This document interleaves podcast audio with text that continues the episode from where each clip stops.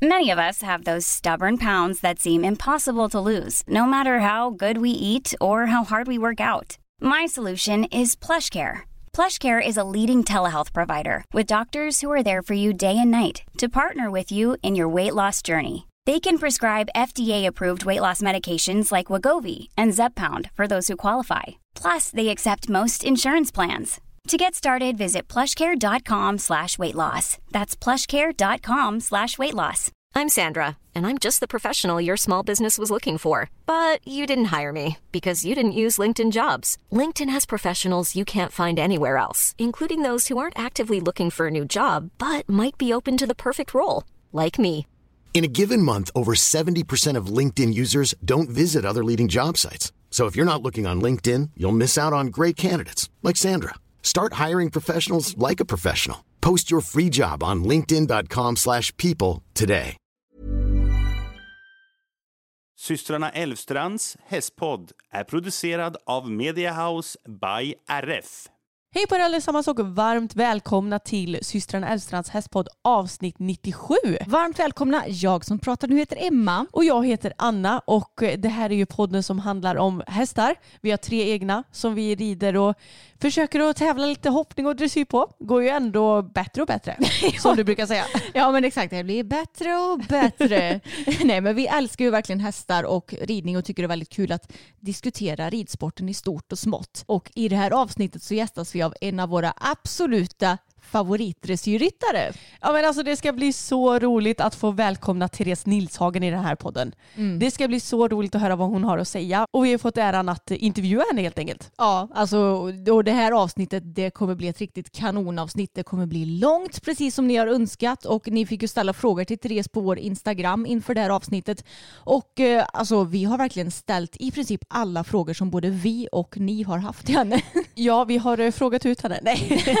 Nej, men vi passade på när vi ändå hade henne på tråden att fråga mycket grejer för det är ju mycket som man kanske undrar när man inte själv är på den nivån. Och kanske lite passande nog så kommer det här bli ett långt avsnitt också. Så det nalkas ju snart jul. Ni kan ju se det som lite så här, om inte ni gillar Bingolotto, ni kan ju köra uppesittarkväll med systrarna Elfstrand istället. Ja men exakt. Men ska vi ta och köra igång med avsnittet och välkomna Therese in i podden? Det tycker jag.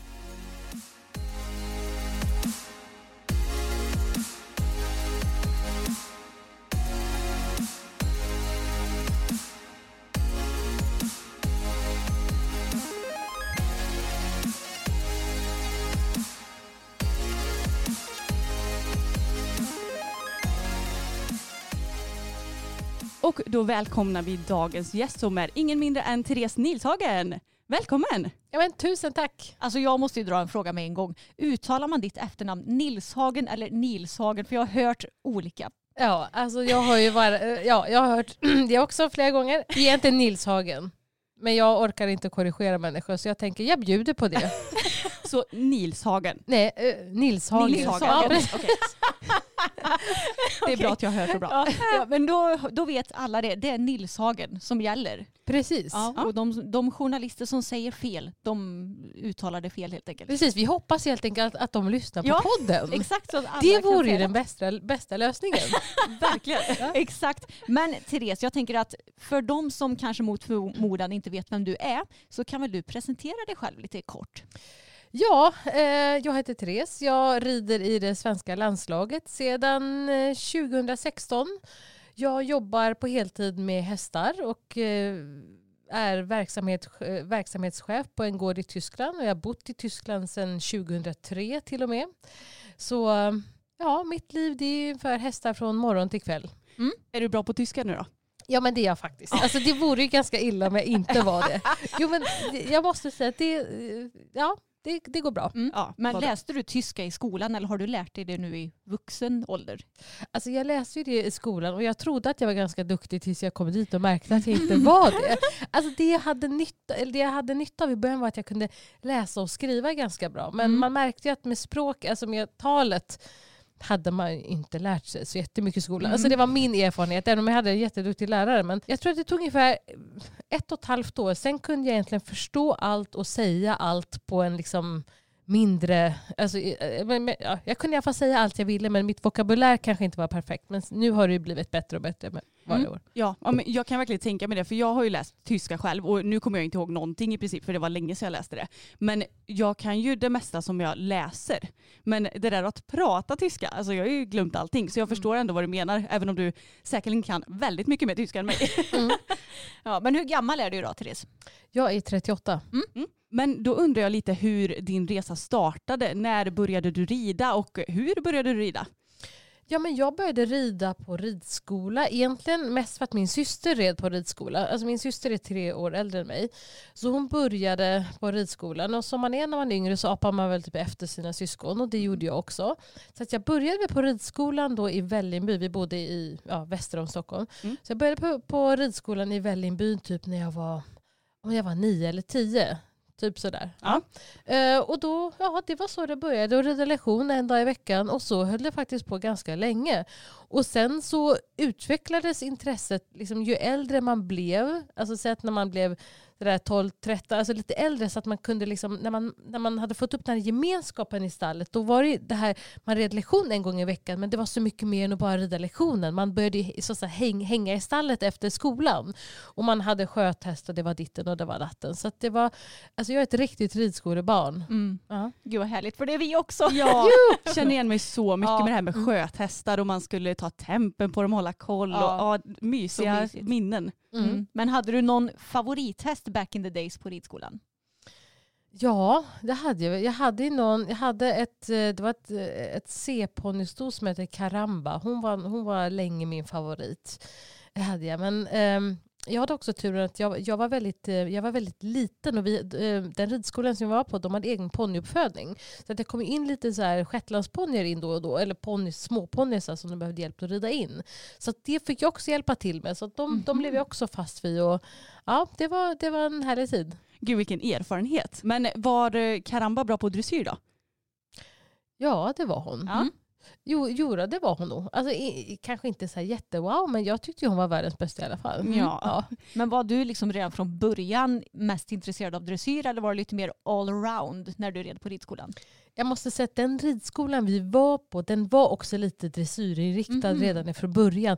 Det var också en ganska, jag vet inte riktigt hur det är nu för tiden på ridskolan, men det var lite så här att Alltså, det var inte så hej och hå och vi får börja galoppera jättesnabbt utan att de ridlärarna krävde att man hade väldigt bra kontroll i sadeln innan, innan man ens fick uttala ordet galopp. så att jag tror att nästan, man fick nästan rida ett par år innan eh, innan man verkligen liksom fick eh, eh, hålla på och börja hoppa och sådär. Så att, och sen, sen så hoppade vi ju eh, ett flertal gånger per termin men det var ändå en liksom, dressyrinriktad ridskola. Det låter som ett väldigt klokt upplägg tycker jag personligen. Att eh, man lägger krut på att ryttarna ska få balans och så innan Mm. man får gå vidare till svårare grejer. Ja, mycket grunder. Ja. Mm. Ja och sen så det var också en, också en säkerhetsfråga också. Att jag har förstått att ibland så är det lite så här som man hörde, en god vän då som, som driver en ridskola, hon är ibland så här att liksom föräldrarna är på att ja men på en annan ridskola får de redan galoppera. Och liksom att, att ibland föräldrarna lite som också kanske pushar det och vill så mycket och, och liksom förstår inte heller liksom riktigt den här, det här säkerhetstänket som är också bakom att man, det krävs att man har bra balans. Ja, man vill inte att det ska bli en, en obehaglig situation Nej. för någon. Nej men verkligen. Och när började du tävla då? När gjorde du din första tävling och hur gick den? Ja, jag gjorde min första tävling. Jag var nog, alltså jag red B-ponny då i alla fall. Så jag sta- gjorde min första start i Let's se. Nej, så här var det. Nu vet jag. Det var fyra starter. Jag hade två hästar. Dels Rainbow som var en B-ponny, en skäck. Honom kom jag tvåa på. Och sen så red jag på en eh, lite förvuxen eh, A-ponny då, Mm. som hette Fikon, som jag hade ridit in. Så, så hon kom trea, men vi hade egentligen kommit sist och näst sist om det inte var så för att det var en som var utesluten. Hon vann, e- hon vann egentligen, hon blev utesluten för att hon startade innan hon fick, hon fick startsignal. Jaha. Men jag fick ju i alla fall då med Rainbow fick jag då en blå rosett Mm. i då Let's C1 och jag var jätteglad för det. Ja. Och då var jag väl någonstans 14 år tror jag. Ja. Mm. Men då du tyckte att det var kul att tävla redan från början. Väcktes liksom tävlingsinstinkten där eller vad man ska säga. Ja men jag tror det. Det var det nog absolut. Det var ju på något vis en liten skräckblandad förtjusning för att man var ju jättenervös innan och sådär. Men eh, i alla fall, det var ändå det som man ville och man hade gått och sett upp till de andra som var, som var, som var så duktiga på ridskolan. Och det kändes ju som en stor ära att man ens fick starta. Så att, ah, nej, men jag fick nog blodad hand redan då. Mm. Ja, det förstår jag. Men när fick du en egen häst då? Eller när köpte du din första egna häst? Oj, min första egna häst köpte jag 2017. Ja, det var så pass sent. Det var så pass Ja. sent. Och det, det var den, eh, det var så att eh, jag red EM i Dante, eh, med- Dante eh, 2017 och efter det så fick jag, så gjorde de som en liten så här, insamling så att jag skulle kunna få välja ett föl då på, på den här svenska föllektionen i Flyinge. Ja, just Och, det. det var, och då var det jättemånga som hade varit snälla och liksom skramlat upp pengar så att jag kunde välja ut ett föl där. Som idag nu är fyra år och heter Portofino.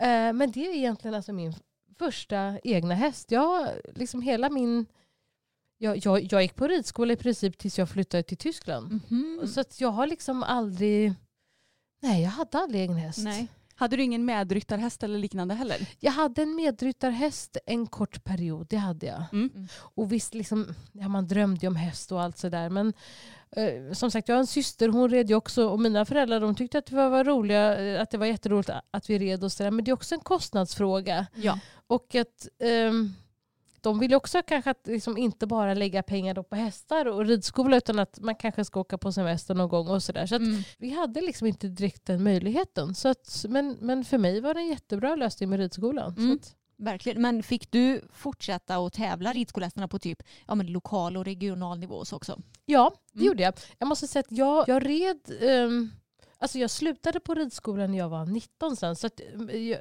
jag började aldrig rida på stor häst där, Men hela min ponnytid så ha- hade jag faktiskt förmånen att få vara med och tävla mycket. Och jag vann lektionsponnymästerskapen ett par gånger och red också distriktsmästerskapen tror jag var tvåa två gånger. Och vi red ponnyallsvenskan och sådär. Så, att, Mm. så att det hade vi ändå möjligheten till. Så det var ändå inte någonting att jag saknade det då det här jättemycket med häst. Men på något vis, för att vi hade det så bra på ridskolan. Men ja, man var ju ändå lite så, åh gud tänk det vore så roligt. Så att man var ju lite att man, man gick ju alltid och drömde om den där egna hästen. Men Mm det var ju inte riktigt så. Men, men det, var, det var fine ändå.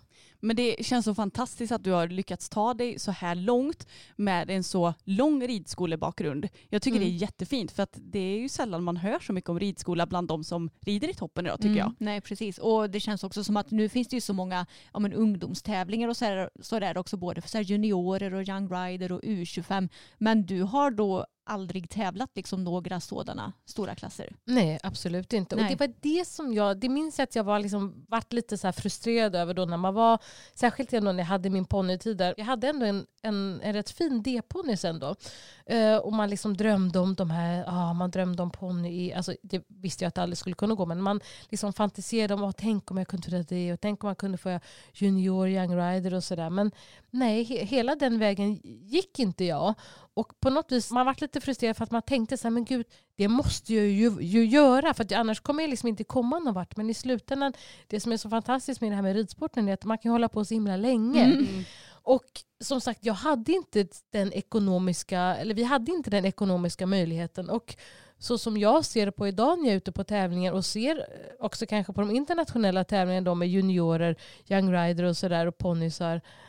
Eh, ja, då frågar jag mig ibland, alltså det måste vara väldigt välbärgade människor som håller på med det här. För Ja. det, alltså det är lastbilar och det är fina ponnyer och det är fina hästar och mamma och pappa och hela familjen är med. Då tänker jag så här, "Ha, är det ingen som behöver arbeta? Nej, men alltså, det är liksom, alltså, och, det, och det är inget fel i det. Det, det, det är jätteroligt. Alltså, har man de möjligheterna så är det jättebra. Men det finns helt enkelt människor som kanske har jättemycket talang men de har inte de här möjligheterna. Mm. Och är det så, då får man ha lite is i magen och liksom försöka vänta lite tills att man blir lite äldre. Att man kanske, så att man kan ta tag i saken själv. Mm. I och med att man kanske utbildar sig eller att man flyttar utomlands eller, eller, vad, eller vad man nu vill göra. Men så det vill jag verkligen ge med att man ska liksom inte känna sig ledsen. Det är inte kört för att man inte är, ifall man siktar på, siktar på att bli sportryttare så är det inte kört för att man inte är med i toppen när man är ung. Nej, Nej, och, och det behöver heller inte vara kört bara för att man är en, eller bara inom citationstecken Mm. för att man är ridskoleryttare Mm. heller. nej. Nej, absolut inte. Verkligen inte. Nej, och jag tycker det är så inspirerande att få lyssna på dig och att du är på den absoluta toppen idag trots att du har ja, men en väldigt lång ridskolebakgrund bakom dig. Och jag vet att vi har ju många lyssnare och följare som också är ridskoleryttare. Och det här är ju ett eh, alltså väldigt bra exempel på att det går att bli en av de bästa i världen trots att du kanske inte har haft någon egen häst på, ja, men i de unga åren. Ja men verkligen. Men när insåg du att du ville börja jobba med hästar? Ja, men det var egentligen så här att jag hade börjat jobba lite med hästar eh, vid sidan av, av gymnasiet. Så då kom jag in, eh, då hade jag turen att få börja hjälpa till i stallet hos eh, Lussa Natorst, Mm. Natorst. Och ehm, där lärde jag känna en tjej som hade varit i Tyskland. Och den tjejens kompis eh, visste att det var en kille som letade en hästskötare. Så det var en kompis kompis kompis i alla fall. Men eh, som visste, hon sa hon bara, men vill inte du flytta till Tyskland? För jag hade också pratat om det lite. Och så hade jag tänkt, så här, nej men gud hur ska jag komma dit? Ah, man går och bara väntar på något, jag tror att något ska hända. Men sen så bara, nej men varför skulle det hända mig? Och så men, sen, men, men så kom den möjligheten och då åkte jag dit och provjobbade i Tyskland. Det var så 2003. Mm. Hur då- gammal var du då? Ja, då var jag, alltså, jag hade precis fyllt 20. Ja. Jag hade precis fyllt 20 och då hade jag trott att jag skulle vara där ett år. Eller kanske två år för jag hade egentligen lovat mina föräldrar att jag skulle komma hem och plugga sen. De var inte så jättebegeistrade om jag säger så. Jag sa, då sa jag men bara ett år. Eh, Så jag började då egentligen som hästskötare och så började och jobba sig upp. Först, först och främst för hästskötare. Jag fick börja rida med någon häst och sen så kanske man fick lite mer och lite mer. Och, så, och då där någon gång under de jag tror att det var efter kanske när jag var inne på mitt tredje år, alltså, då märkte jag, eller kanske redan på andra, då märkte jag så här, ja men gud, tänk om jag kanske kan göra något av det här så att säga. För att jag märkte också att ju, ju, ju mer jag lärde mig, desto mer märkte jag hur mycket jag har kvar att lära. Ja. Så att det var liksom lite så, eh, så jag, jag sa till mina föräldrar varje år, ja men nästa år kommer jag hem, nästa år. Och sen så efter femte året så tror jag att de slutade fråga ungefär. Och nu är de helt fine med det. Men jag tror att jag bestämde mig för det på riktigt kanske då efter tre år i Tyskland. Mm. Att jag tänkte så att nej men jag ska nog köra på det här. Mm. Och hade du varit anställd i tre år som hästskötare då? Ja precis. Fick du rida någonting då under den tiden också? Ja, precis. Eh, Det, började att jag fick rida någon och sen så liksom vart det mer och mer. Mm. Det var så jag också märkte, att, och vilket som jag tyckte också var väldigt nyttigt, att man, ja, men det var på ett ställe hos en kille som hade eh, rätt mycket utbildade och fina hästar och han var liksom väldigt trevlig och snäll och hjälpte också. Um, sådär. Så då så, ja, ju duktigare jag blev desto mer fick jag rida om jag säger så. Mm. Det var jättebra. Så där fick jag ju verkligen, ja, att jag kände att men gud, det här är nog det som jag vill satsa på. Mm. Hade de Grand Prix-hästar och sådär i det stallet också? Ja, det hade de också. Och jag hade då tur att jag faktiskt fick rida med lite på de hästarna och börja känna av de här Grand Prix-rörelserna Ja. och sådana saker, vilket var helt, helt fantastiskt för mig. Mm. Så det kanske också var då det tror jag också kan vara avgörande. Om någon är liksom lite och nosar på, på tema ska jag jobba med det här eller inte så tror jag att det är ganska avgörande i det skedet vart du är just då. Och vem du jobbar för kanske, eller vart du har haft din praktik ifall du får en bra eller lite mindre bra erfarenhet. Mm. Men din erfarenhet var bra då? Ja, absolut. Det måste jag säga. Ja, för man hör ju ganska många gånger när folk pratar om att de har jobbat utomlands hos olika ryttare att det har varit så tufft och att de har, alltså, det har varit en ganska, ett hårt klimat och ett hårt jargong mot dem och att de har fått kanske mycket skit för hur de har ridit och hur de har arbetat. Men du fick kanske lite mer positiv feedback från din arbetsgivare. Ja, det måste jag säga. Jag menar, det, var, det var ganska långa dagar ibland, men jag tycker att eh, den erfarenheten som jag har personligen, och särskilt också i början, eh, var eh, Alltså i början då kanske när, man, när man behöver det som mest, att säga, det, var, det, det var inget som var orättvist, eller det var inget som var too much. Att visst att när man gick och la sig på kvällen då var man rätt trött, men alltså det var, jag, jag hade inte den erfarenheten. Men, men jag vet ju att den, att den finns såklart, så Mm. att det ska man ju inte heller liksom underskatta, att det kan vara en tuff bransch, absolut. Mm. Då skulle du säga att dina bästa tips för de som kanske sitter i lite liknande sitt som dig är ridskoleekipage, kanske inte har jättemycket pengar bakom sig. Ska de söka sig utomlands då? Tror du att det är bättre chans för att ta sig till toppen då?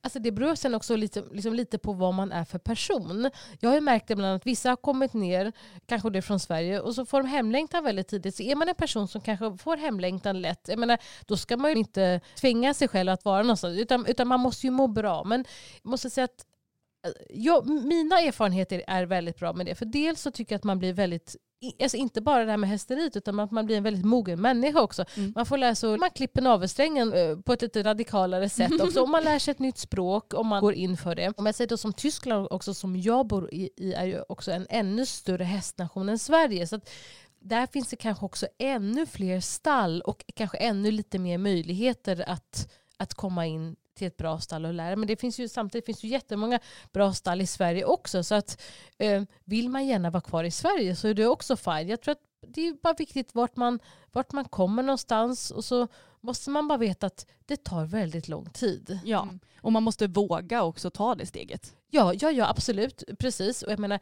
eh, märker man sen att nej, men det var ingenting för mig, då, då, då är det också fine. Men, men man ska nog också veta att det är liksom det är nog ganska hårt jobb och det är, eh, det, det, det är jätteroligt ibland och det kan vara mindre roligt ibland av olika anledningar men så är det ju med alla jobb. Eh, men så, och, och som sagt, det tar lång tid. Som sagt, jag flyttade till Tyskland 2003. Det är snart mm. 20 år sedan. Ja. så att det är väl kanske det jag kan känna av ibland med en del unga människor. Att vissa blir så otåliga så, så tidigt. Framgången ska komma nu. Och så funkar det liksom inte. Utan att jag tror att um, det, det måste få ta tid. För att det, det tar tid. Vad är det ja. man brukar säga? Trägen vinner. Eller är inte det ett ordspråk som är så? Jo, jag tror det. Ja. Men får du hemlängtan till Sverige någon gång ibland? Nu låter det jättehemskt men väldigt sällan. Ja. Alltså, jo, jag, alltså, jag saknar min familj, ja. det gör jag, och, och, och, vänner. Men som sagt, det är inte så att eh, jag kan ändå flyga hem på en och en halv timme. Så ja. det, det, är inte så. Um, jag, menar, jag tycker att Sverige är ett fantastiskt land på alla sätt och vis. Men Nej, jag har väldigt sällan. Mm. Det är för att jag tror att jag är så... Jag mår så bra och är så trygg i det jag har där. Så mm. jag, har, jag har faktiskt aldrig, inte ens när jag var ung, att jag aldrig någonsin gråtit av hemlängtan eller känt så gud vad jag vill. Nej, Nej, det har jag faktiskt aldrig gjort. Men det är väl ett bevis på att du verkligen har hittat rätt också tänker jag. Ja, men jag tror det. Det har väl kanske lite mer med vad man är för person också. Men, eh, därför att jag tror att när den dagen kommer då, då liksom känner man det. Och jag har verkligen aldrig riktigt känt det. Nej. Nej. Finns det något du saknar med Sverige, någon maträtt eller så då? Oh. Godiset. Ja. Godiset. Lösgodis. Alltså, ja, jag tänker ibland så om man går på någon typ, eh, matvaruaffär. Alltså, där är ju Sverige mycket bättre i framkant. Och ja. med godis och allt sånt där. Och, och, och, och alla möjliga saker. Så att, eh, det, det saknar jag. Alltså, förutom min familj och vänner och fi, fina Sverige så är det vissa mat, mat, maträtt men framförallt godis. Ja. ja. Då får du passa på att köpa med dig en lösgodispåse nu då. Ja men precis. Nu, ja. nu också när vi har lilla lastbilen här så kan jag ju liksom... Fyll den bara. Ja men eller hur. Det är tanken. Ja. När startade du ditt eh, egna företag och ditt egna stall? Alltså först och främst, eh, alltså det är inte mitt egna företag. Nej, utan, okay. utan jag är anställd. Och som sagt, alltså sen, sen jag kom till Tyskland 2003 så har jag jobbat egentligen på tre olika ställen. Eh, men det stället som jag är på nu har jag varit eh, nio och ett halvt år. Så mm. nästa år blir det tio år. Och där är jag anställd. Jag är ansvarig för eh, utbildningen eh, av våra eh, dressyrhästar. Vi, bedriv, vi, eller vi bedriver ju hingstation så att det är ju avel är en, är en stor del hos oss. Och eh, egentligen så är min, min främsta uppgift att tävla och utbilda hingstarna. Men eh, sen är jag också ansvarig för hela verksamheten tillsammans med en verksamhetschef som vi har. Men vi, vi gör väldigt mycket i team och då tillsammans med de som äger eh, gården och företaget. De bor i Schweiz och de, de håller sig eh, de låter oss göra väldigt mycket men de är också såklart, det är de som äger hela så att vi, ja, vi kommunicerar allt som händer och sker med dem. Men, mm. eh, så det är en, mest ridning och hästar men också lite, eh, lite organisationssaker och lite personalsaker och så. Men det är mm. jätteroligt. Mm. Men har ni många anställda på gården? Ja, vi har väl ändå en jag tror att om man räknar med, det här börjar jag ju kunna nu, men jag tror att om man räknar med de som jobbar i trädgården och allt sånt där så är vi väl 16-17. Jäklar. Oj, oj, oj. Ja, vi är ändå en del. För att det är ändå, ja, men när man håller på med hästar och hästar ska ut mycket. De ska ut och de ska in och det ska hit och det ska dit mm. och sådär. Och så är det kontor och avelstation så blir det ändå ett litet gäng. Ja, det är klart. Kan du skicka de som jobbar i trädgården till mig en sväng? För jag behöver fixa min trädgård. Ja, eh, om de har tid över så ska, så, så ska jag säga det. Bra, tack. Ja, Men om vi ska gå över lite mm. till dina rutiner i Tyskland då. Hur ser en helt vanlig dag ut för dig? Även om jag förstår att det kan vara lite olika kanske. Ja. En helt vanlig dag ser egentligen ut för mig. Jag brukar vara i stallet vid klockan sex. Och då brukar jag först, ja, precis, ehm, de andra anställda börjar egentligen klockan sju men det är en annan anställd eller två andra anställda, de börjar också klockan sex för att vi börjar alltid um, att hästarna ska äta hö en timme innan de får kraftfoder. Mm. Så då blir de fodrade med hö och sen så blir de första hästarna också börja gå i, i skrittmaskin, för det gör också alla hästar varje dag.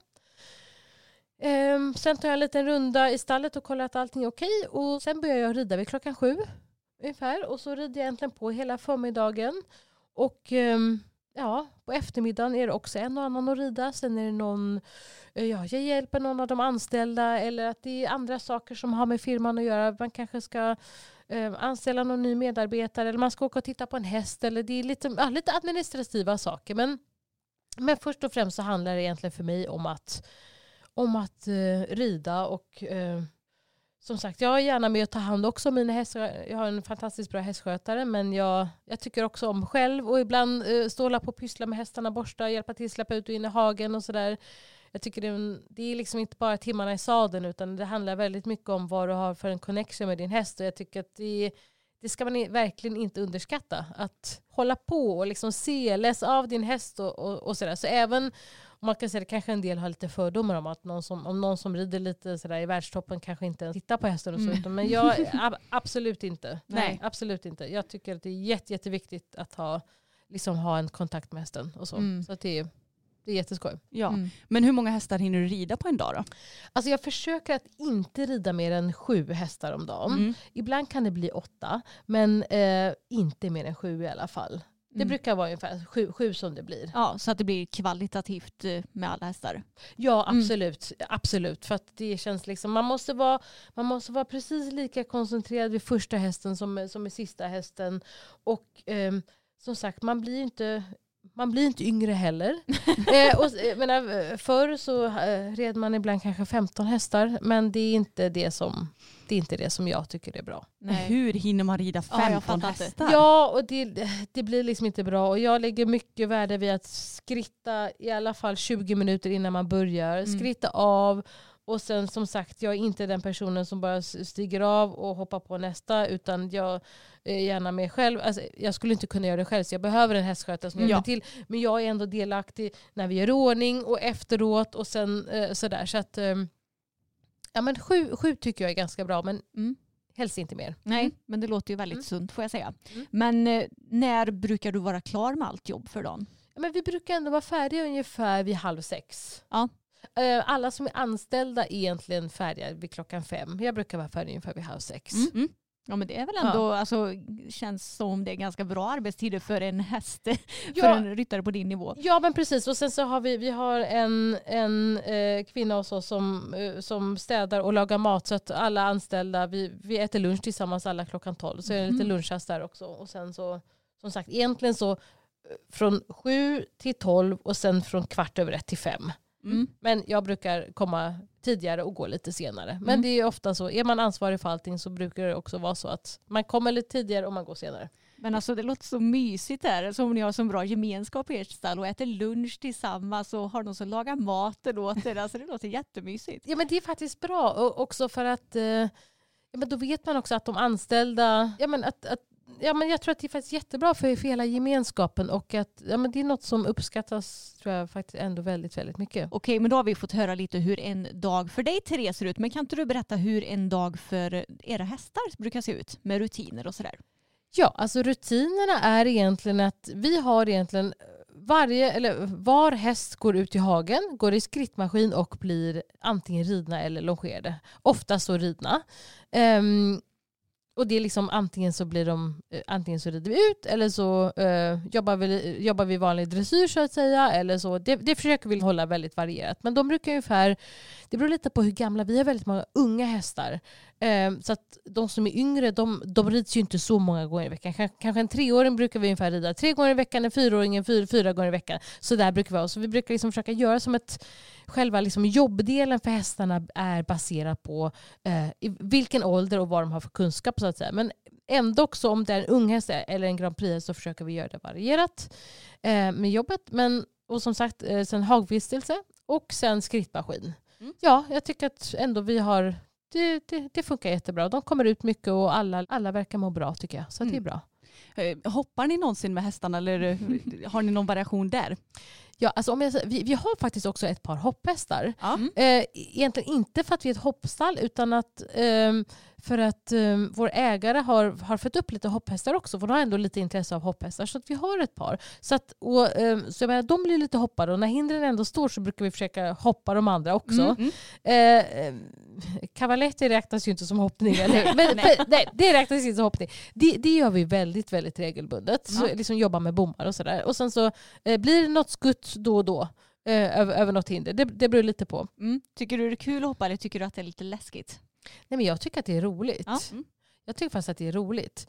Ehm, sen är väl inte jag liksom den bästa på direkt, om, om det är en häst som ska hoppa för första gången så kanske inte jag är då den bästa och liksom säga ja, kom här nu. Men jag, eh, men, men, men jag tycker att det är roligt. Menar, Mm. Och när vi hoppar, det är inte så att vi, vi, vi bygger inte upp någon höjd. Vi gör Nej. det verkligen bara för skojs skull. Ja men herregud det behöver inte Löshoppa gör vi väldigt regelbundet. Mm. Så, så, precis, och då kan man ju... Eh, och som sagt, när vi hoppar under ryttare så gör vi det. I alla fall de, de, de är dressyrhästarna. Det, det är bara för att det ska vara lite omväxling och lite gymnastik och lite sådär. Då, Ja, och jag kan tänka mig att det är väl minst lika viktigt för er som ryttare att bara så här, få släppa loss lite och inte Mm. allt ska vara så himla... För man kan bli lite väl målriktad ibland kan jag tänka mig också. För det kan jag bli ibland att så här, nu ska vi verkligen träna på det här och nej nu behöver vi göra något helt annat bara för att släppa lös lite.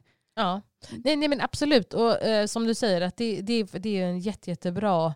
Eh, ja, men, så att man, ja men precis, släppa kraven, höja stigbyglarna lite, släppa kraven. Ja, precis. Mm. Och vad, som, vad vi också gör är att vi brukar gå ut och galoppera på, på, eh, på galoppbanan. Att man verkligen kommer ut och rider framåt. Och även om man är till exempel på en, på en, eh, på en, på en eh, galoppbana så kan man ju också, det är inte bara att man måste köra full, full fräs framåt utan man kan ju också jobba en häst i dressyr eller över bommar också på en galoppbana. Så att, eh, vi försöker verkligen variera det så mycket som möjligt och liksom på lite olika underlag. Att när vi skrittar ut med hästarna att vi också tar eh, eh, vägar på asfalt och så. här. Så att det, det är också väldigt viktigt för en hållbar häst att, eh, att det blir eh, stor variation på underlagen. Mm. Och jag har sett eh, ett Instagramklipp på din Instagram Mm. där du galopperar på galoppbanan och Mm. jag är måttligt avundsjuk på er galoppbana Ja, ja, precis. Det är faktiskt jättefint och det är super, super bra att ha. Mm. Ja, Ja. jag kommer kanske att hälsa på. Ja, varsågod.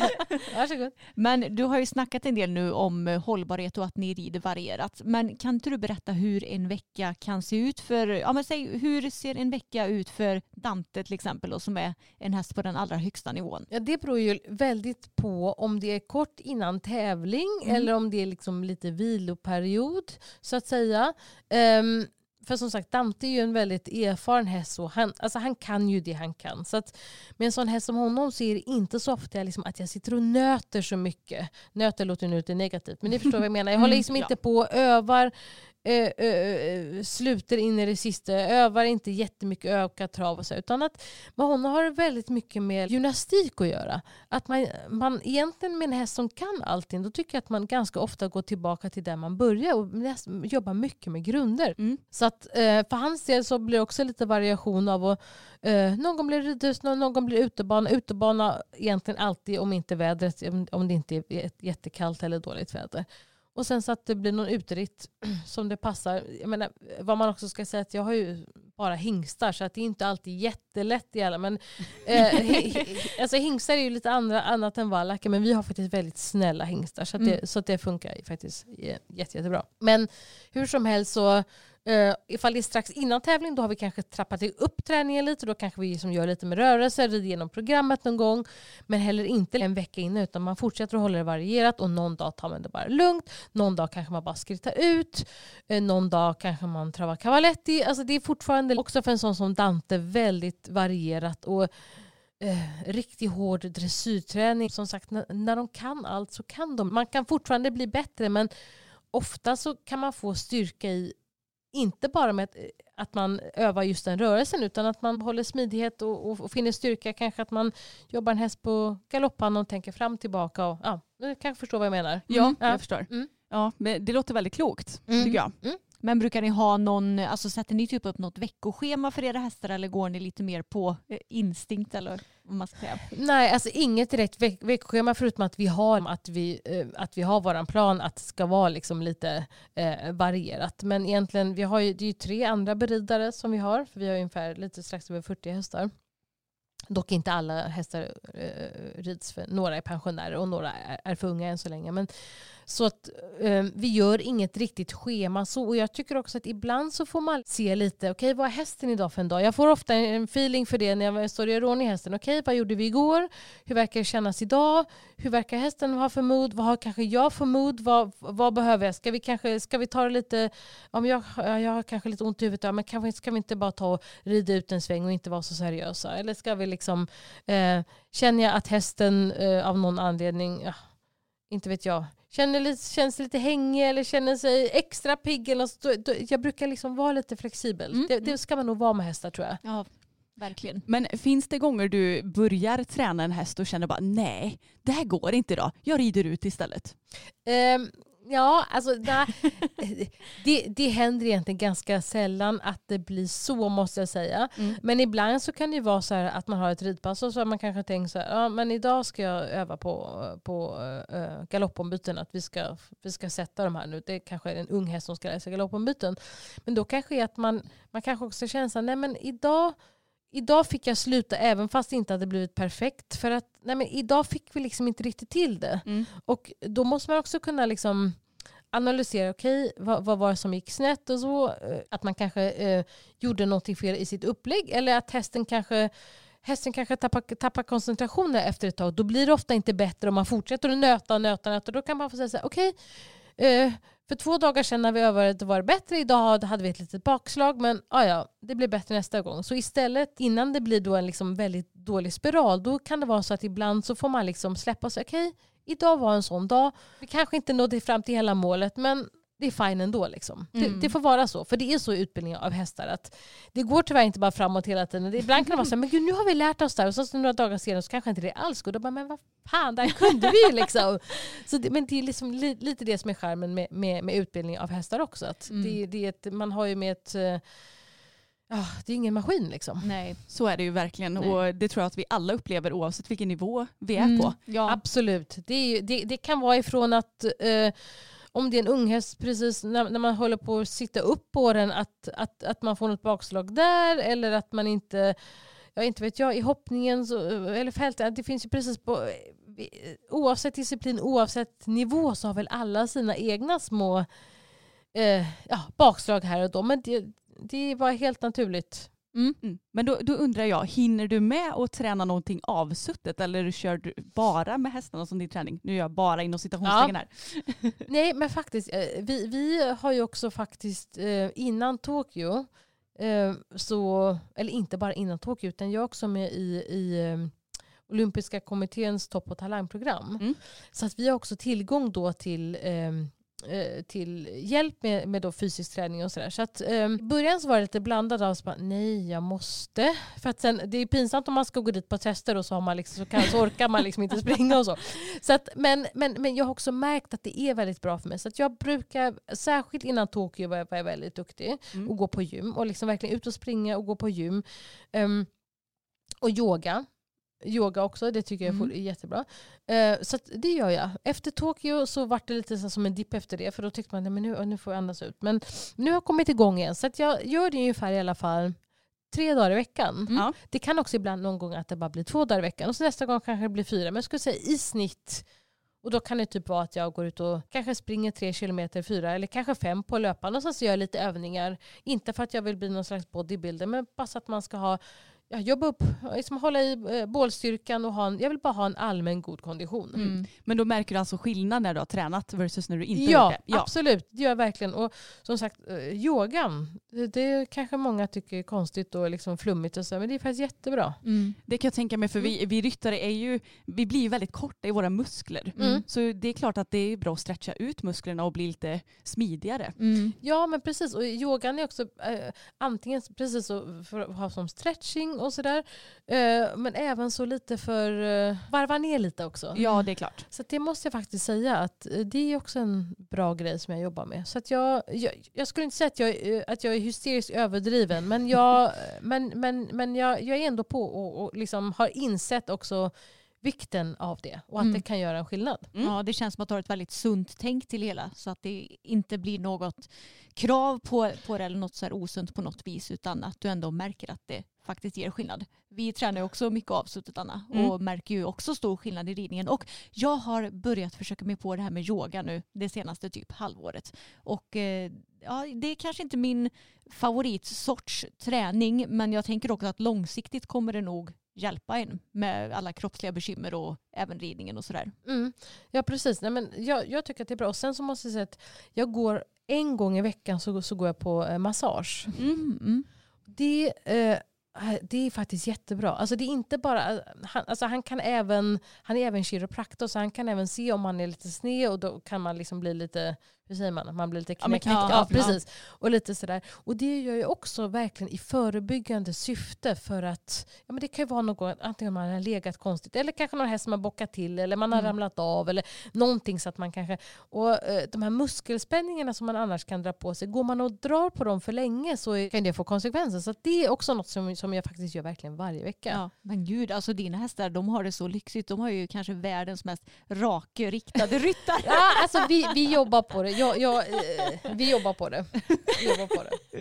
Men också, det är också en sak som jag gör, det är inte bara att det är skönt i sig, utan att jag känner också att oh, gud, jag gör någonting för mig. Det är avslappnande för huvudet bara att man, att man känner att man gör någonting för sig själv. Ja. Eh, eh, nu också när man, det är ju fantastiskt att rida på den här nivån, men då kan man också få liksom det är också tryck utifrån. Och det tror jag är jättebra för mig också mentalt att man verkligen unnar sig det. Dels kroppsligt och lite också så här för själen. Att man liksom bara...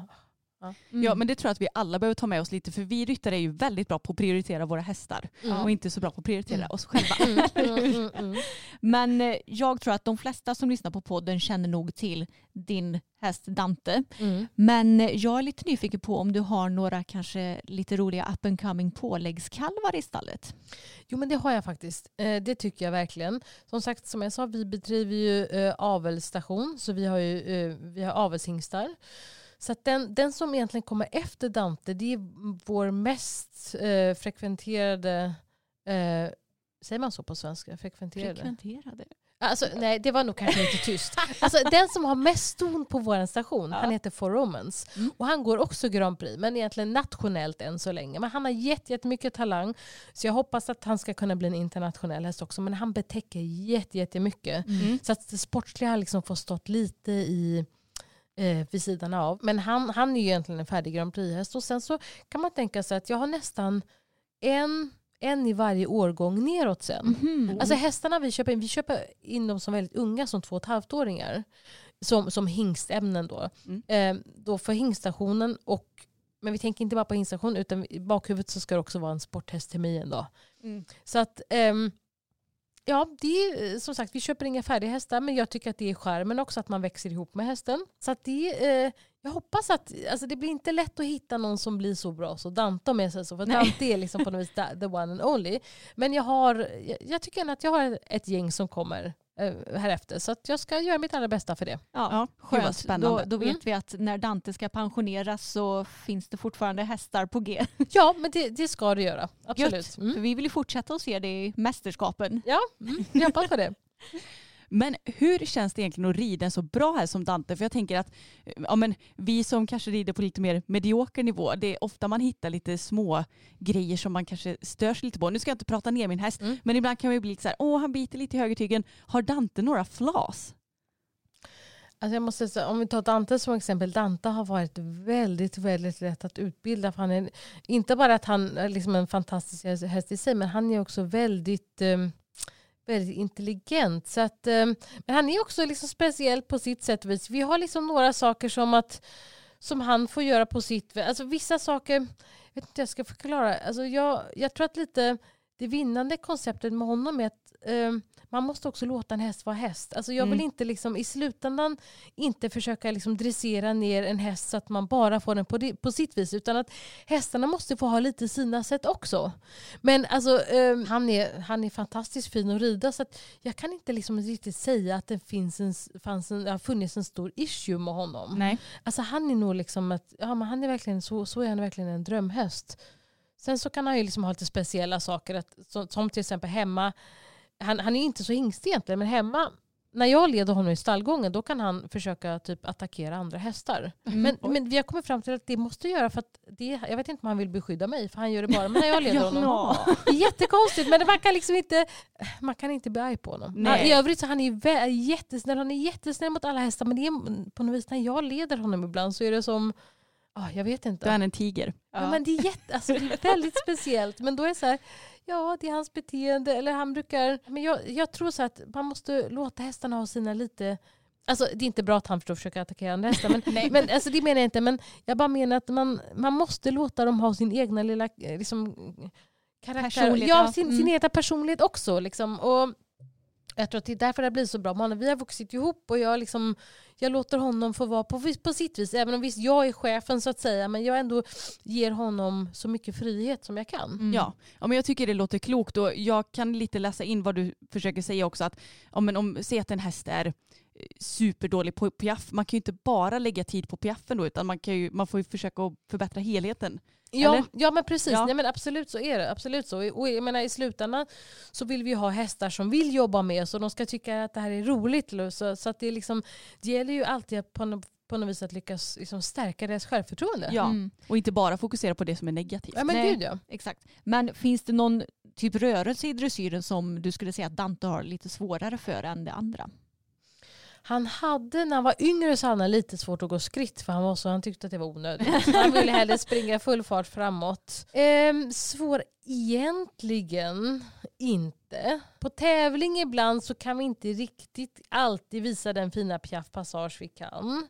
Men han har, det är egentligen ingenting han har svårt för. Utan Mm. att det kan vara att ja, men då kommer lite nervositet antingen hos honom eller hos mig. Och så Ja. är situationen och då kan man liksom inte riktigt då visa vad det är som man kan. Men annars så tycker jag att vi har, nu han också, nu han börjar bli lite äldre också så lugnar han ner sig så han börjar liksom visa vilken den fina skritten han kan gå. För han har alltid haft en bra skritt. Mm. Han bara tyckte att det var ett onödigt förut att det var skritt. Han vill ju springa på istället.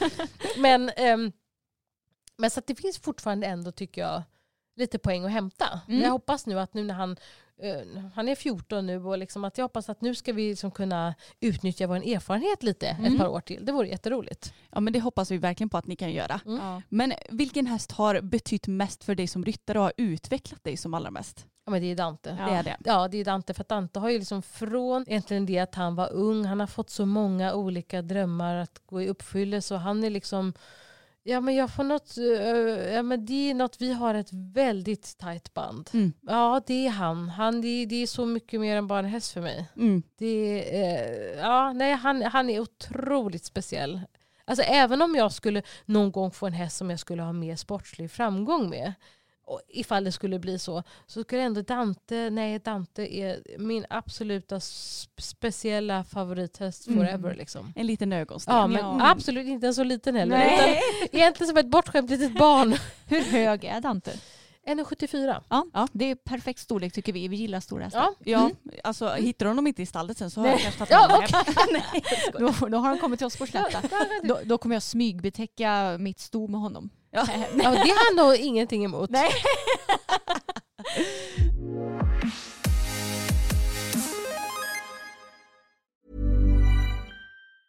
Mom deserves the best, and there's no better place to shop for Mother's Day than Whole Foods Market. They're your destination for unbeatable savings, from premium gifts to show-stopping flowers and irresistible desserts. Start by saving 33% with Prime on all body care and candles. Then get a 15-stem bunch of tulips for just $9.99 each with Prime. Round out Mom's menu with festive rosé, irresistible berry chantilly cake, and more special treats. Come celebrate Mother's Day at Whole Foods Market. Burrow's furniture is built for the way you live. From ensuring easy assembly and disassembly to honoring highly requested new colors for their award-winning seating, they always have their customers in mind. Their modular seating is made out of durable materials to last and grow with you. And with Burrow, you always get fast, free shipping. Get up to 60% off during Burrow's Memorial Day sale at burrow.com slash ACAST. That's burrow.com slash ACAST. burrow.com slash ACAST. Men eh, nu har vi ju snackat en del om eh, ja, men ditt jobb och dina hästar så jag tänker att vi kan gå över lite och snacka om tävlingslivet som dressyrryttare för det är jag nyfiken på Mm. nu eftersom vi själva som sagt vi är ju lite mer amatörryttare. Mm. Men vad skulle du säga är det bästa respektive sämsta med att tävla just dressyr? Eh, det bästa med att tävla dressyr eh, är väl egentligen när man lyckas, eh, lyckas få fram den här, den här absoluta harmonin som man strävar efter när man, när man tränar och utbildar hästar. Och när, man, när man verkligen lyckas få till det på banan, liksom att man verkligen är ett med hästen, att man känner att man verkligen dansar ihop. Det är verkligen det absolut bästa med dressyr, liksom, när man uppnår den här optimala harmonin. Ja, och det sämsta kan ju vara ibland kan man ju tycka att ja, det är ju liksom domare som dömer och man är ju inte alltid helt enig med domarna. Alltså man får ju leva med det men eh, man är ju väldigt beroende på vad de tycker som sitter i domarbåset. Ja. Kul att du tar upp det för det är ju ofta som man själv kan tycka det också. Som, Ja. Även på någon Som- lätt B-nivå Ja. så kan man ju tycka så att yes nu satte vi allt här och så kommer man ut och får 10% mindre än vad man trodde. Så det är intressant att du Mm. tar upp just den biten också. Ja, och även när man tittar på ja, men er som tävlar Grand Prix så tänker man ja, men jag tycker att hon förtjänar att få mer poäng och sådär. Liksom. Så det kul att ändå du har samma Mm. problem. Ja precis, jag menar, det, eh, man får ju acceptera domsluten och liksom, det gör man ju. Och jag tycker ändå att oftast, om jag ser till min del, så, så, så tycker jag väl oftast så går det väl liksom så. Men det är klart att ibland så Ja, ibland så är det domslut som man liksom inte förstår och det, ja, det kan, då kan det vara liksom frustrerande någon gång. Och som sagt, men det tror jag verkligen, precis som du säger, att det är på alla nivåer. Att det känner också den som om det ens är en klubbtävling eller en Let's Se eller eh, någon eh, stilhoppning eller sådär. Ja. Så att Mm. det är liksom det, det tror jag verkligen på alla nivåer. Ja. och det kan ju verkligen gå both ways också. Ibland Precis. så tänker man det här var en riktig skitrunda och så får man jättehöga Mm, procent. mm, mm. Så att jag menar det här med att, att få den rätta känslan inför banan det är inte alltid så lätt. Nej. precis, och jag menar, den blir ju inte dömd. Så att det, det, är alltid, det, det kan vara lite tråkigt ibland. När man, när man har den där jättebra känslan och så får man då inte då eh, eh, ja, om man inte får betalt då, då, då, då kan det vara liksom lite kämpigt. Ja, såklart. Men, men som sagt, det får man leva med. Det är det eh, när man är i den här sporten. Men det kan ju vara liksom lite tradigt ibland. Mm, det förstår jag. Men hur förbereder du dig själv och hästen inför tävling då? Alltså det viktigaste är ju att hästen, eh, hästen måste ju vara väldigt, liksom hästen måste verkligen eh, vara redo för sin uppgift. Eh, jag tycker att det är väldigt oschysst ifall man, ifall man åker till en tävling med häst. Det, eh, strunt samma om det är Let's Se, medelsvår, Sankt Georg eller Grand Prix. Eh, om inte hästen liksom är mogen och färdig och kan allting, då, är det, då blir det en väldigt oschysst situation för hästen. Jag menar, det kan gå fel i alla fall. Men det är ju inte så att man man kan ju inte åka till framridningen och tro att man kan utbilda en häst där. Nej. Så, att, så att det är det absolut viktigaste. Att hästen är, är i bra kondition, att den, att den kan alla, alla rörelser den ska kunna. Jag måste ju vara i ett bra... Jag måste vara frisk och sund och kunna vara den bästa partnern för min häst. Så att egentligen, det är egentligen så man, man förbereder sig. Och sen så är det lite, liksom lite beroende på häst vad man har då för management och de dagarna innan precis. Men ja, man ska, den, i den, alltså den veckan man ska, ska man försöka pika formen på tävlingsdagen. Och det är det jag menar också med att det tar egentligen så lång tid det här med ridsport. Att det är så mycket man lär sig också av erfarenhet. Och vilka fel man gör ibland och vilka bra grejer man gör ibland.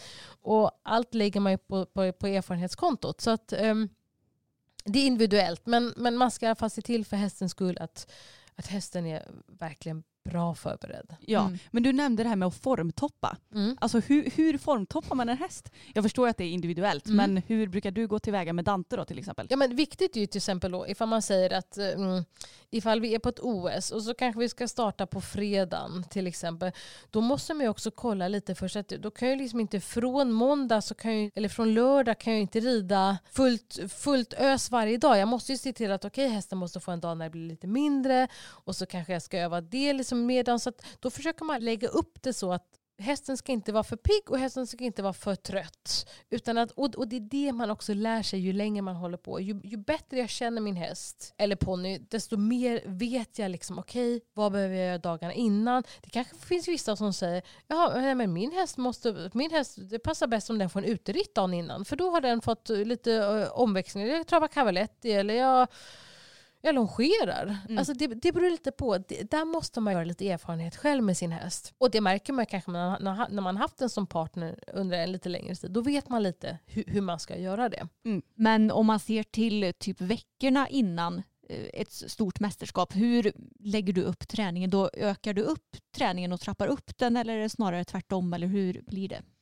Ja, alltså jag gör så här att jag tror att det är, det, det är väldigt långt att hålla en toppform, hålla den över lång tid. Och det tror inte jag heller riktigt är sunt. Utan att jag är mycket för att man, man liksom trappar upp för en tävling och sen så trappar man ner efter en tävling. Alltså det är också viktigt när, när jag kommer hem från tävlingen då kan jag inte bara ställa av hästen. Utan särskilt om, om den, och det har varit en häst som kanske har gått till med ett mästerskap, alltså gjort något som har varit väldigt ansträngande, då måste jag också ta mig tid att träna ner den. Eh, så att den inte kommer ifrån att ha gått eh, tre klasser och liksom gått Grand Prix eh, och kyr och special och så. här. Då är det också viktigt att jag joggar ner den och inte bara sådär. Men annars så, som sagt, som jag sa, så brukar jag försöka jag, jag, jag liksom räknar bakåt och så successivt bygger upp det hela och sen så hela tiden någon liten vilodag emellan. Eh, sådär. Det, är egentligen, så- det är egentligen så jag brukar jobba. Mm.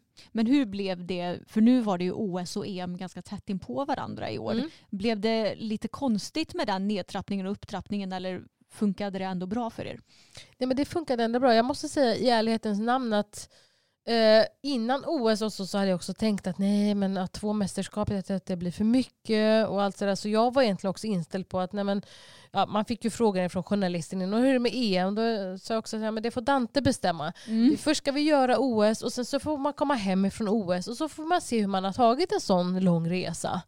Eh, Både häst och ryttare men framförallt då häst. Så att vi märkte ju när han kom hem ifrån OS att han hade tagit det väldigt bra. Och eh, så han fick egentligen två veckor ledigt och sen började vi träna upp igen. Och min fördel till EM var att den tävlingsplatsen ligger bara en, en dryg timme ifrån där, där jag bor. Jaha. Så, att det, så det var ju jättebra. Alltså ifall EM hade gått i Portugal, då hade jag aldrig gjort det. Nej. För att det hade blivit liksom för lång resa. Men nu när han, när han, när han var så frisk och mådde så bra och, och så, då var det liksom ingenting som talade emot oss. Och sen när det var så nära också så tänkte vi att amen, då kör Why vi på det. not? Ja, Ja. Precis. Och han, han var ju väldigt bra kondition från Tokyo så vi, vi trappade ner, sen fick han två veckors ledighet och sen började vi trappa upp igen. Och jag tyckte att vi hade en jättefin fart på EM. Så jag, Ja. vi, vi gjorde egentligen allt rätt där kändes det som. Ja, han var ju superfin då. Mm. Ja, verkligen. Så ni lyckades kan man ju säga. Mm. Men vem är din hårdaste konkurrent på tävlingsbanan då? Ja, alltså det är så himla många duktiga ryttare. Så Mm. det är ju, eh, där i världstoppen så är det jättemånga duktiga. Det är svårt att säga namn. Men det är ju de här som är tyskarna om du säger Isabelle Wert och Jessica von Bredow Wendel och Patrik Kittel och, och, och allt vad det nu heter. Edvard Gahl och Karl Hester, eh, Charlotte Duchardin. Alltså det finns ju jättemånga duktiga. Men jag måste säga att jag tycker att stämningen, jag menar alla, alla vill ju vinna, så Ja. är det ju inte. Men jag tycker att stämningen är ändå liksom, jag tror nästan ju högre upp man kommer så alla vet att ibland går det bra och, och liksom ibland går det inte så bra. Så att jag får ändå känslan av att man kan liksom glädja sig åt liksom för varandra på den nivån. Ja. Och, och, och jag försöker också se det som att ja, men, ja, om man tävlar med de bästa, det är ju egentligen bara då man kan bli bättre. För då måste man jobba ännu mer på sig själv och säga, men gud vad måste jag? Det här, det är de, här, de här procenten tappar jag där. Eller hur kan jag bli bättre? Vad är det som jag gör fel? Blir jag nervös? Måste jag ta tag med min mentala träning? Eller vad är det liksom sådär? Så att jag försöker snarare se, som ett sporre att man, man tävlar med, mot de bästa för att bli bättre. Då kanske man inte vinner så ofta. Men att man ändå liksom vinner i att man liksom blir, blir duktigare. Mm. Ja. Brukar du typ titta på ja, men de andra duktiga ryttarna och se vad de gör bra för att sen kunna applicera det på dig och din egna ridning? Alltså gen generellt ja, det, det är jätteviktigt och jättebra att liksom titta på andra och se. Sen är ju hästar liksom så himla olika så att eh, jag kanske liksom inte ändrar så min röda tråd men det är väldigt intressant ibland att se hur folk gör. Jag kanske tänker så här, men gud hon sitter så himla bra, hon sitter så, det där måste jag jobba med. Mm. Eller att man ser att ja, men, så där gör han när han tränar slutet, det kanske jag ska pröva. Eller kanske liksom sådär. Så att, eh, jag försöker absolut se till kollegor. Ja, jo, men det, det, det är faktiskt en jättebra grej. Mm. Vad har du för favorittävlingsplats då? Alltså Stockholm är ju väldigt bra. Mm. Stockholm är ju väldigt fint. Sen tycker jag väldigt mycket om Aachen. Känner ni till Aachen? Mm, ja. Ja, har ni varit där? Nej, men det hade ju varit väldigt kul att besöka. Mm. Alltså det är en jättehäftig tävling. Det är Ja. jättecoolt. Det är en, ja, det är en fantastiskt fin tävling. Mm. Men var Tokyo, kan du jämföra det med Aschen eller var det häftigare i Tokyo? Nej, alltså det, det som, To- Tokyo det var en jättefin arena Mm. men det var inte så mycket publik. Nej det är klart. Och, och, och liksom det, eh, det är när de här arenorna är fullsatta, det är det som egentligen publiken som gör stämningen. Ja det är klart. Och, liksom just, och särskilt också om det är fin bana då, som Stockholm eller Aschen. Liksom när Ullevi var EM, det var ju liksom, det kommer jag aldrig glömma att liksom, innan man gick in så klappade folk. Ja, jag, jag förstår Ah. att det bidrar väldigt mycket Ja. med stämning också. Ja, gud. Alltså, det var, alltså, man måste säga att den svenska publiken är väldigt, väldigt bra. Mm. Alltså, det, det är också väldigt känt hela världen över. Så att, liksom, svenska publiken bjuder verkligen på sig själv. Ehm, så ja, men jag skulle nog ändå säga...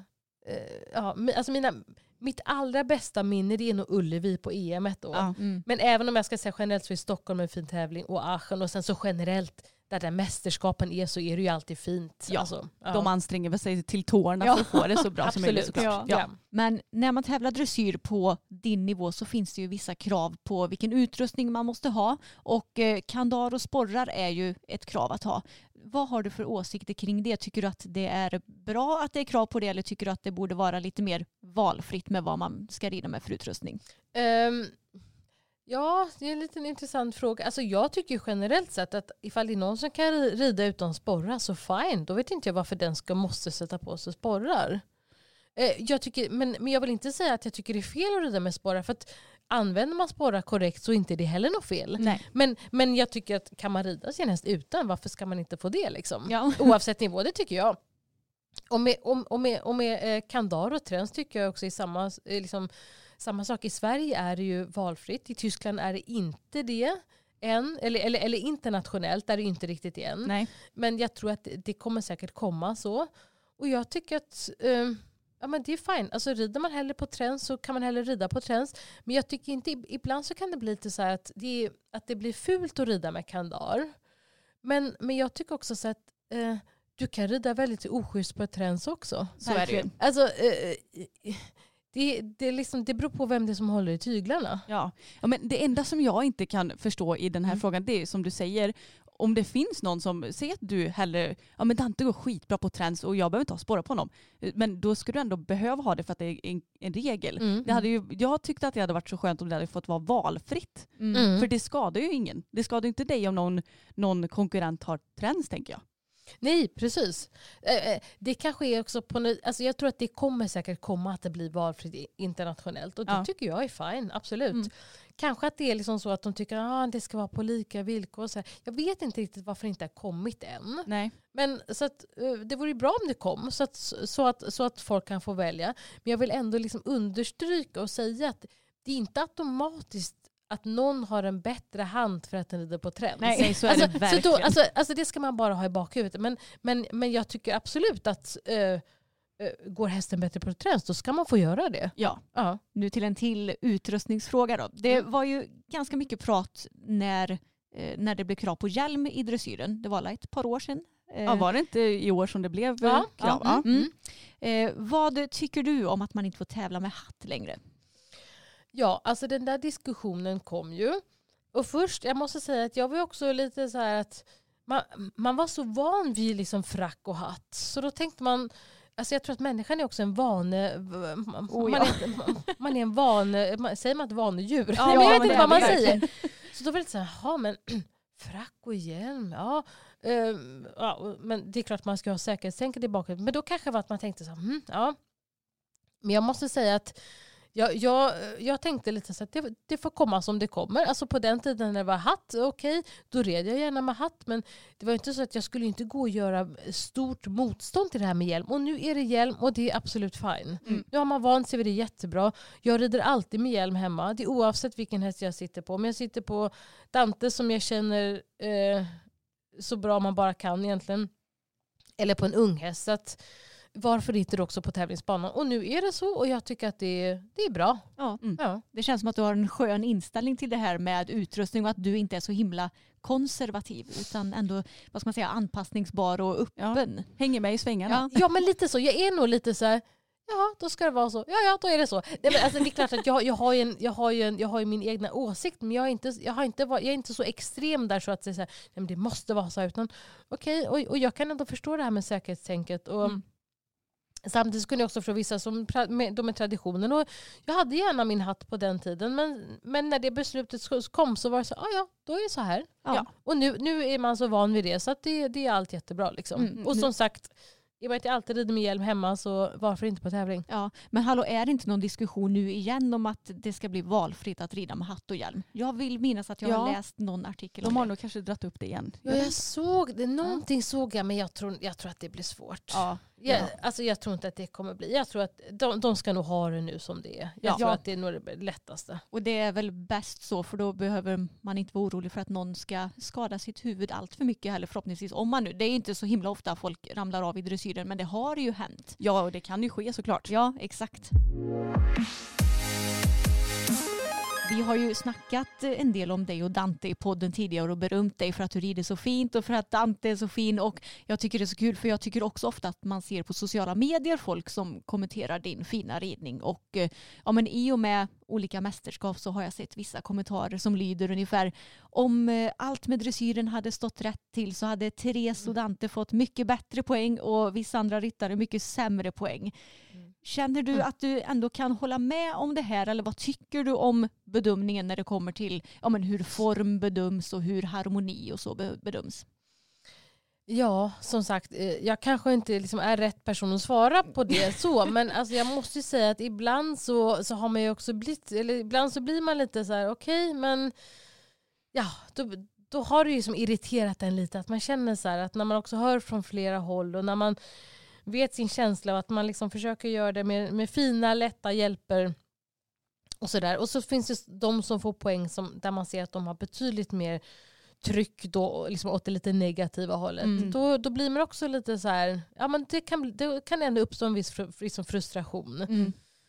Då tänker man så här, ja, men jag får väl göra det tillräckligt många gånger tills de inte kan något annat. Då. Men, men jag, jag ska ärlig och säga att, att det, det har liksom, det är inte så att jag ligger vaken om natten för det, men alltså att, att man ändå blir så här, jaha, men liksom, vad, vad är det de vill se då? Ja. Ja. Och, då- och, och, liksom, och då menar jag inte med att, att, man, att jag är perfekt på något vis, utan att det är, men att eh, man skulle ju hoppas ibland att, att, det där, att den här harmonin också för liksom dressyren i sig, för ridsporten i sig, kanske blir liksom ännu mer. Alla pratar alltid om att de vill det, och sen så när man står ibland, då är det ibland någon som får mer poäng fast den är, är liksom...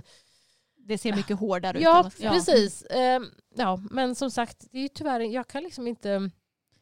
Man har inget inflytande på det. Nej, Nej. Alltså det måste vara jobbigt att inte kunna påverka det för det enda du kan påverka är ju hur du rider.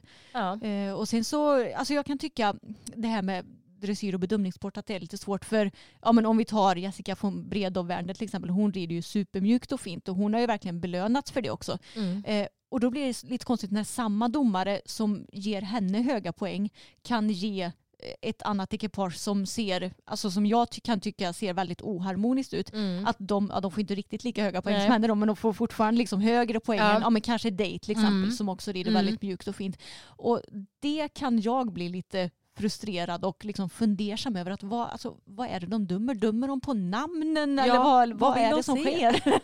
Ja precis. Och visst, jag menar, det kan ju vara så att den där hästen som kanske, den kanske utför sakerna jättebra men att man skulle liksom önska att de ändå kanske la då ännu mer vikt på harmonin och så. Ja, ibland så ställer man sig frågan och jag, får frågan, jag har faktiskt fått den frågan ganska mycket, men blir man inte irriterad? Och ja, men vad ska jag göra? Alltså, Ja. menar, precis, men jag kan ju egentligen bara fortsätta att vara min följa min linje och man är som man är och, eh, och försöker liksom göra det så. Och så kan man bara hoppas att, man, att någon gång så ska det liksom... Löna sig. Ja, Ja. precis. Det har det ju för sig gjort och Jo. så. Det är, inte, det, det är inte så men ja, ibland är det liksom att man känner så här, ah, vad är det de vill se? Ja, Ja, ja, men men alltså- löna sig ännu mer kan Ja. vi ju säga. Ja, Ja. mm, mm, Alltså mm. jag får erkänna att jag, när jag har kollat på till exempel både OS och EM så tycker jag att ni har förtjänat att vara ännu högre upp i resultatlistan. Eh, och ja, det, det är lite störande när eh, när kanske domarna ser någonting annat. Nu är inte jag någon proffsdomare men jag kan ju ändå se vad jag upplever är harmoniskt och Mm, inte. ja, och jag precis. tycker ju att det harmoniska borde bedömas högre än vad det gör vissa gånger. Vi får hoppas att det är på intåg helt enkelt. Ja. Verkligen. Men har du några tips på hur man kan få lite mer poäng på dressyrbanan om du bara tänker på lite generella tips? Alltså generella tips är ju verkligen att, att, man, att man rider väldigt noggranna vägar. Det kan ju faktiskt vara till och med för en sån som, jag har ju ändå ganska mycket erfarenhet, men till och med jag kan känna att men gud, där har jag liksom givit bort poäng. För man där red man inte rakt på punkten eller man tog ut en sväng för kort eller för, för snävt eller, eller sådär. Så att verkligen rida, rida noggranna vägar. För att det utstrålar verkligen, det ser så himla suveränt ut då. Mm. Ifall man så det är verkligen mitt tips. att Rid från, rid från punkt till punkt och ja, men utstråla den här säkerheten. För att ge de där halvpoängen då som summerar ihop sig och det, det blir ändå en eller två procent mer kanske. Mm. Så det, det är verkligen ett hett tips. Ja och Bra. speciellt nu när det är, förut så var det bara hela poäng men nu är det ju mm. halva poäng så då mm. finns ändå ganska många poäng som man kan plocka om man bara rider någonting lite noggrannare. Mm. Och till, får till övergångarna och sådär bra också. Precis. Att de ska vara tydliga. Precis, precis. Absolut. Men då tycker jag att vi har eh, knallat igenom lite tävlingsbiten här också och tänkte gå över till lite lyssnarnas allmänna frågor här. Och Therese, har det hänt att du tappat motivationen fullständigt någon gång och sen kommit igång igen? Mm, jag tror faktiskt inte att jag tappat motivationen fullständigt. Nej. Det, det, det, kan jag faktiskt inte minnas att jag har gjort. Men alltså, eh, även jag, man har ju sina ups and downs, absolut. Och um, jag tycker att ofta så kan det liksom, kör man fast med en häst så tycker jag att det bästa man kan göra, ifall vi då ska ta det som ett exempel, att man, att man då tappar motivationen för att man tänker gud jag kommer inte vidare eller sådär.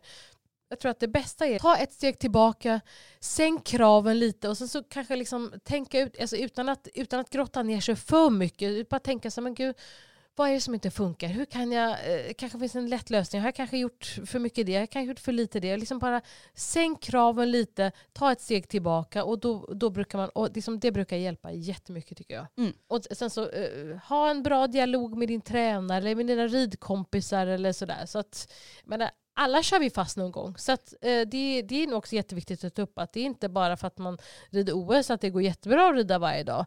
Man blir, det är alltid någon av de där sju hästarna som man tänker så ah, det där var kanske inte så jättebra idag. Så att jag menar, det, det är helt normalt. Mm. Ja. Mm. Och eh, du kanske inte är van vid att rida den här typen av hästar idag kanske, men har du några tips på hur man får en seg och tung häst kvick?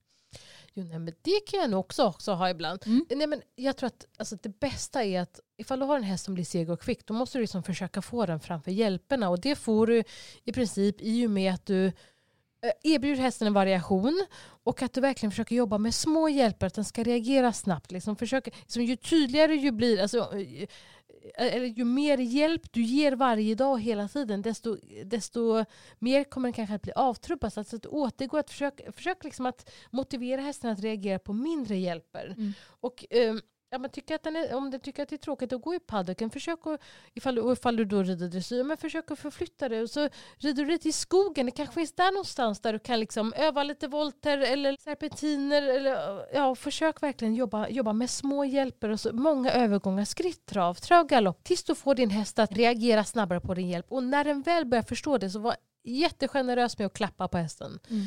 Det, det, är ganska underskattat ibland, liksom hur mycket man kan motivera hästen med att, med att berömma den. Det är jätte, jätte, jätteviktigt. Mm. Och mycket som jag kan lägga till också det är ju att berömma med rösten. För att mm. ibland så kanske man inte riktigt hinner fram med mm. handen i rätt tid. Mm. Men verkligen utstråla glädje och känna energin i kroppen är också mm. väldigt viktigt för hästen tror jag. Verkligen. Alltså jag har ju en fördom om när det kommer till så här dressyrhästar att de ska vara så himla eh, alltså pigga och framåt och heta och det ser oftast ut så när man kollar på mästerskap att de verkligen mm. vill framåt. Men du, det finns alltså en del hästar som du jobbar med som kanske är lite åt det segare hållet. Ja, mm. det finns det. Alla är de olika. Mm. Jag kanske inte har någon som är jätteseg men jag kan ha någon som liksom kan, kanske kan vara lite som, lite som en dieselbil, att de är lite liksom sega i början och sen kommer det igång och då kommer de igång. Men, men, nej, men det har jag absolut, att mm. det är någon som, där man alltid jobbar för att okej, okay, få kvick framför skänken. Men mm. alltså många, många övergångar. Försök jobba med lätta hjälper och när hästen reagerar bra så beröm. Mm. Jag eh, försöker ju mig på en liten dressyrkarriär nu med min hopphäst och ett av mina största problem det är ju nedsittningen i traven. Alltså jag har så svårt för det och min häst är ganska stötig att sitta på. Har mm. du några tips när det kommer till hur man får till en bra nedsutten sits? Ja, jag skulle egentligen säga att um, försök hitta då först ett bra tempo då i traven. Um, där du också liksom, där både hästen är i väldigt bra balans och då du också känner det. För det, det är ingen idé att trava på i 180 när du känner att gud, hästen blir bara spänd och det blir stötigare och stötigare. Utan att försök hitta tempot där. Och det kan gärna då vara ett lugnare tempo. Och sen när du känner dig säker i det tempot så lägg upp stigböglarna eh, framför sadeln. Jätte, jättebra att träna utan stigböglar. Det enda som inte är bra med utan stigböglar ifall du känner att du, att du blir liksom rädd och orolig och att du börjar bli klämmig Mm. då istället. Och det är därför jag säger att det är jätteviktigt att man kanske hittar ett tempo där man känner sig lugn och bekväm med. Mm. Och sen så gärna om man har kommit så långt, lägg upp stigbyglarna. Jätte, jättebra ifall du, kan, ifall du vågar att du kan bli longerad av någon. Mm. Så att Ja. du egentligen också får släppa händerna, eh, släppa tyglarna ibland. Oj, Ja, oj. och bara köra lite balansträning ja, då. precis. Det, det är super, superbra. Ja. Mm. Nu vill jag inte säga att alla ska göra det. det blir, lite- jag vill inte att någon ska göra sig illa heller, men det är faktiskt jätte, jätte, jättebra. Ja. Mm. Ja, jag har ju en snäll häst och jag kan ju absolut rida utan stigbyglar men det är inte riktigt inom min comfort zone, det får jag erkänna. Men om, Alltså känner du att du börjar studsa? eh, ja, precis det gör jag och att jag kanske blir lite klämmig då. Men nu var det så himla länge sedan som jag red utan stigbyglar också Ja, så det kanske ändå hade gått bättre än vad jag tror att det skulle gå. Mm. Det får kanske bli vår decemberutmaning. Ja. Rid utan stigbyglar. Men faktiskt. Ja, men var, varför inte? Men, liksom, ja. men känn att du verkligen liksom tar plats på rumpan, att du verkligen sätter dig och liksom försöker slappna av med lår och knän och verkligen sitta på rumpan. För det är ofta när man börjar klämma med knäna, det, det är då det blir skumpigt. Ja. Mm. Så, så det ska man försöka undvika. Mm, det känner jag mig. Ja, det är så lätt att göra Mm. det. Mm. Ja, gud ja. Ja. Men tycker du typ det är jobbigt att rida ett långt dressyrprogram för att du måste sitta ner så mycket i traven eller är det bara vi på amatörnivå som tycker det är jobbigt? Alltså, ibland så kommer jag ut och är väldigt trött men det är eh, inte egentligen för nedsättningen i traven utan Mm. det är nog för att om det har varit, man har kanske varit i, i, då i Tryon på ryttar-VM eller i Tokyo när det är så varmt då kommer man är jättetrött. Men Ja. själva nedsittningen i sig Ja, nej, det är faktiskt inte så himla tufft för mig längre. Nej. Det, det måste jag säga. Men det beror också lite på häst. Jag kan också ha någon häst hemma när jag säger men gud idag fick jag spänna till magmusklerna riktigt mycket. Alltså det, det, det beror det lite på. Men om jag säger så, en sån som Dante är väldigt tacksam att sitta på. Ja. Det är egentligen bara väldigt skönt. Det känns Mm. som att sväva på små moln. Åh, det jag, önskar, jag önskar att jag också kunde få känna det med någon häst. Ja, det kommer. Ja. Ja det tror jag absolut. Men hur tänker du när du ska lära in ett dressyrprogram? Alltså inte för hästen utan när du ska lära in det för dig själv. Ja, eh, hur tänker jag? Alltså egentligen så läser jag igenom programmet och jag brukar egentligen då ifall det är ett helt nytt program till mig då brukar jag ta programmet på papper och så att jag går in i, eh, antingen på en utebana eller ett ridhus att jag har banan. Och så liksom går jag igenom programmet och verkligen ser vägarna. Eh, Förut när man, när man var mindre så brukade jag springa igenom dressyrprogrammet. Det har jag faktiskt inte gjort på ett tag i, i, i ärlighetens namn. Nej. Men det är annars också en väldigt bra idé. Men så brukar jag memorera eh, programmet för mig. Och sen när jag har liksom mem- memorerat det för mig, då brukar jag börja då när jag väl sitter på hästen, då brukar jag börja ta delar av programmet. Mm. Och liksom börja så att man känner av delarna av programmet. Och sen eh, efter ett tag när man känner att det är bra, så att säga, då, då sätter man ihop hela programmet i sig. Mm. Ja. Bra tips. Och jag har också kört mycket springa på hallmattan ja men visst gjorde man det? Ja, Ja, jag det vet är inte bra. om folk gör det nu för tiden, men vi gjorde det. Jag Ja, gjorde men det det tror jag. Det tror jag nog. Ja. jag kan göra den idag. Ja. Om jag ska lära mig något nytt program. Ja, ja. Det funkar Det, även för det, alltså det är ett bra. Jag kanske bara varit för lat för att göra det. Jag vet inte. Man behöver inte springa hela ridhuset. Nej, Men det kan ju nej, vara ditt konditionspass för dagen. mm. faktiskt. Då ska du inte behöva gå på gymmet på kvällen. Nej. Nej, exakt. Nej, ja, det ska vi tänka på nästa gång. Mm. Alltså, vi får ju en del frågor ibland om vad som menas med att en häst går i form och hur man får en häst i form. Så vi tänker den här frågan är ju ypperlig att ställa nu när vi har ett riktigt proffs med oss här i Mm. studion. Alltså när hästen går i form, det är inte bara att man tänker på att den, att den kröker på nacken, utan en häst går ju egentligen så att säga på tygen när hästen går verkligen, när hästen är helt lösgjord mentalt, fysiskt, att den är genomsläpplig. Det börjar egentligen, om man tänker bakifrån, över bakbenen, via ryggen, fram till nacken och till hästens mun. Mm. Det är egentligen det här att hästen, eh, ja, att hästen jobbar ärligt bakifrån framåt så att säga och att den är genomsläpplig i hela ryggen. Och det är inte bara då att, att, att, att, att den kröker på nacken utan att det är liksom egentligen hela kroppen, hela hästens överlinje.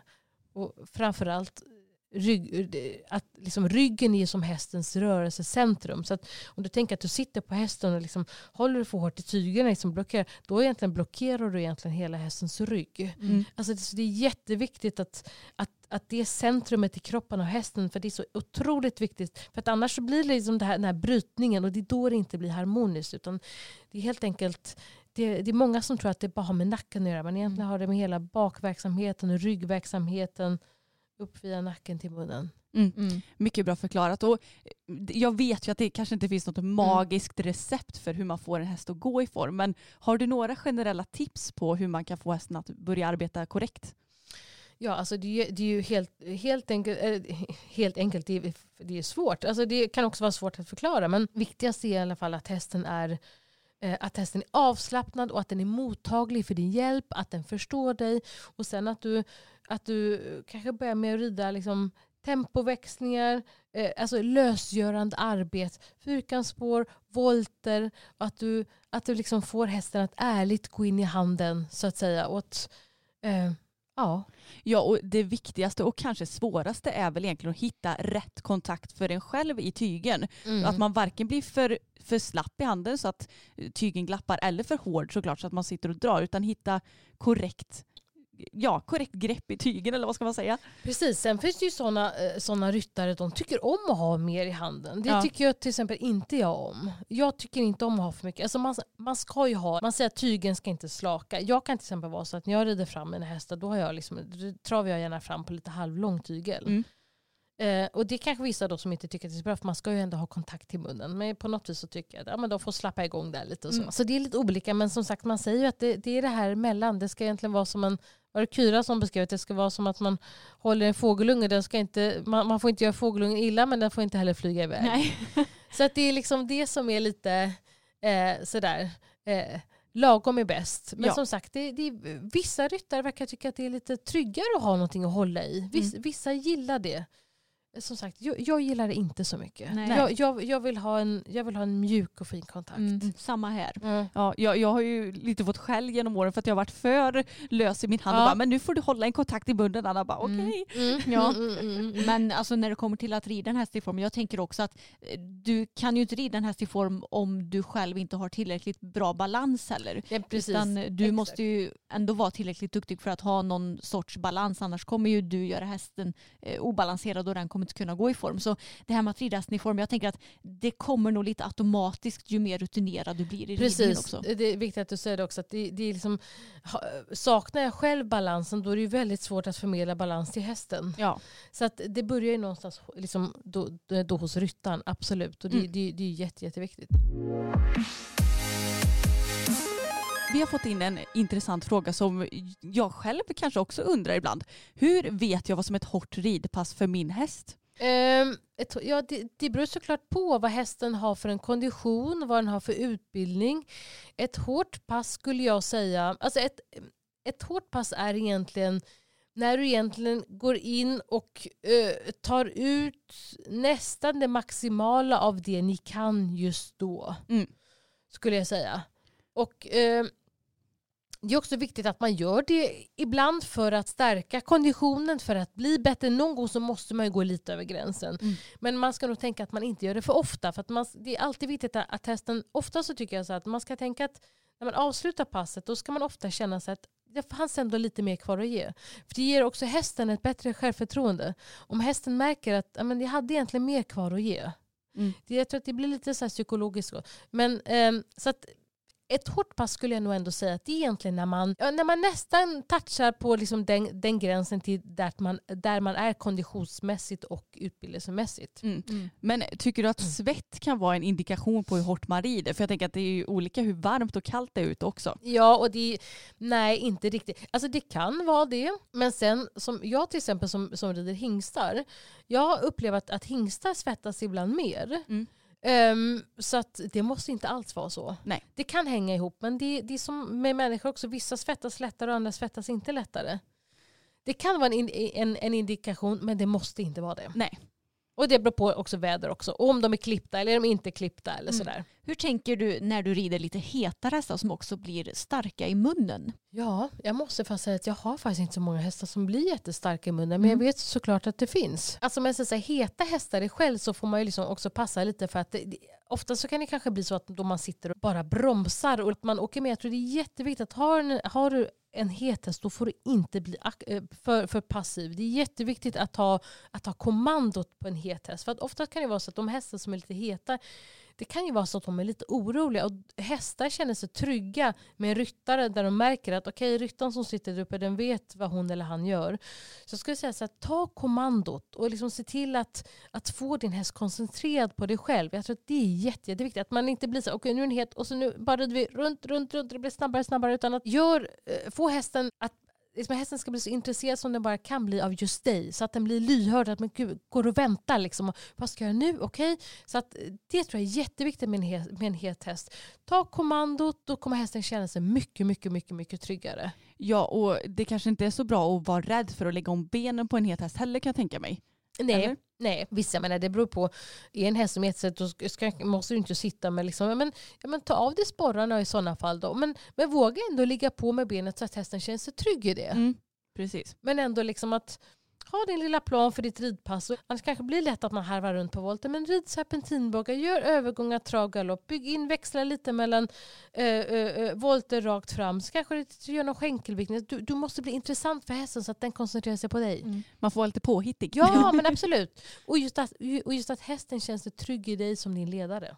Det är Mm. nog jätteviktigt. Alltså jag tänker att det här med att vara påhittig, det går ju att applicera även på men lite sega hästar som behöver motiveras. Ja men Så- gud absolut, Ja. verkligen. Det är egentligen, egentligen samma. Det, det, ja, precis, absolut. Mm. Det, det, kan, det, är- egentligen jätteviktigt för alla hästar. Ja. Men jag vet att man blir ofta själv så att när det är en häst som inte är spänd då blir det lite ho, ho, ho, ho, och så åker man med där lite och så kanske den blir starkare och starkare. Men också särskilt om den blir lite het och stark. Att, att du istället liksom försöker eh, ja, men göra serpentinbågar, volter, övergångar, skritt, trav, galopp. Och så, så att du också får, alltså, en, en stark häst blir ofta för stark för att den kommer för mycket på, på, på framdelen. Alltså Mm. du behöver få den på bakdelen så att den blir lätt framdel. Så att då jobbar alltså på att försöka få mer last på bakbenen. Mm. Men finns det någon rörelse i dressyren som du har extra svårt för eller som har varit svårt att lära in? För min egen del. Ja precis, om du tycker att eh, ja, piruetter är skitsvårt. Eller... Ja, men jag tänker när du liksom började rida Grand Prix-hästar, Ja, om det var något som var lite extra svårt för dig då. Ja, men jag tror ändå att jag hade lite svårt innan jag hade fått för mig då hur man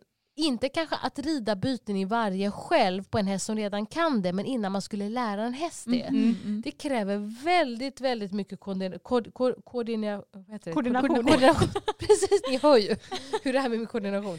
Eh, det var någonting som jag märkte när jag skulle lära yngre hästar den att, eh, sen att jag var verkligen tvungen att tänka till själv och verkligen liksom, ja, Mm. det, det kanske jag skulle säga i sådana fall. Ja, jag kan verkligen tänka mig att det är svårt. För nu, nu kan jag bara göra ett enkelt byte. Mm. Ja. Knappt det tänkte jag säga.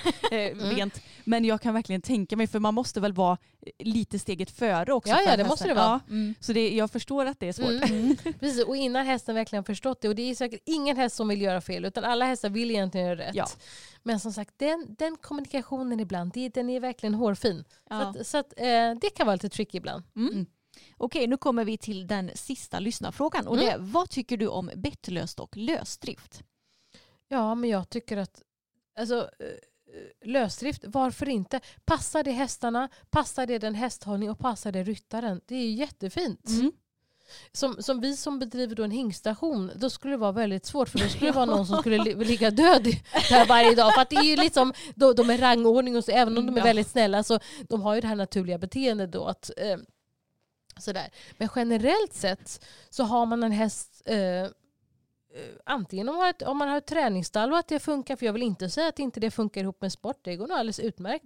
Eller om man då är hobbyryttare eller sådär, varför inte? Det är väl jättefint om hästen kan få mycket, röra på sig mycket. Så det tycker jag inte illa. Och bettlöst tycker jag också. Jag menar, kan man rida utan bett, det är väl perfekt. Mm. Samtidigt så, som sagt, återigen, eh, att, att då rida med bett tycker jag inte heller är fel. Nej. Det är bara att den som håller i tyglarna måste veta att den håller i en mun och inte håller i en planka eller i en lyktstolpe. Ja, men precis. Det är liksom det som är viktigt. Men eh, eh, bettlöst tycker jag också är alltså, fantastiskt. Mm, Kan man det så var, varför inte?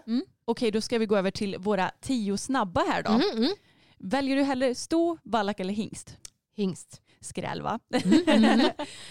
Brun eller svart utrustning? Svart. Mm. Rida unghäst eller rida Grand Prix-häst?